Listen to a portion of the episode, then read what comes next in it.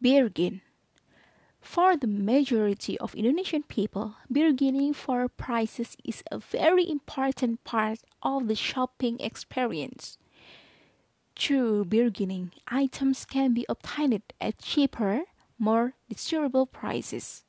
Indonesian traders sometimes give a higher price when dealing with foreign customers. This is because Indonesians think foreigners who come to Indonesia have a lot of money. Some tips do not try to bargain in shopping malls and stores with fixed prices. You only can bargain at roadside stalls or international markets. Some roadside stall sellers will offer you a special discount if you are the first or last customer of the day. Do not start bargaining if you have no intention of buying. To start the bargaining process, first ask the vendor the price of the item that you are interested in.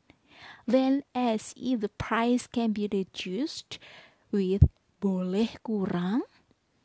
Boleh kurang?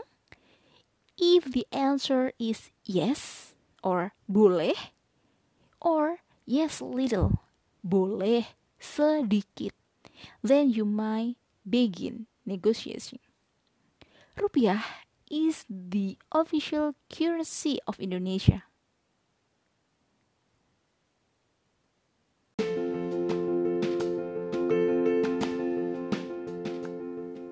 Thank you for listening this episode.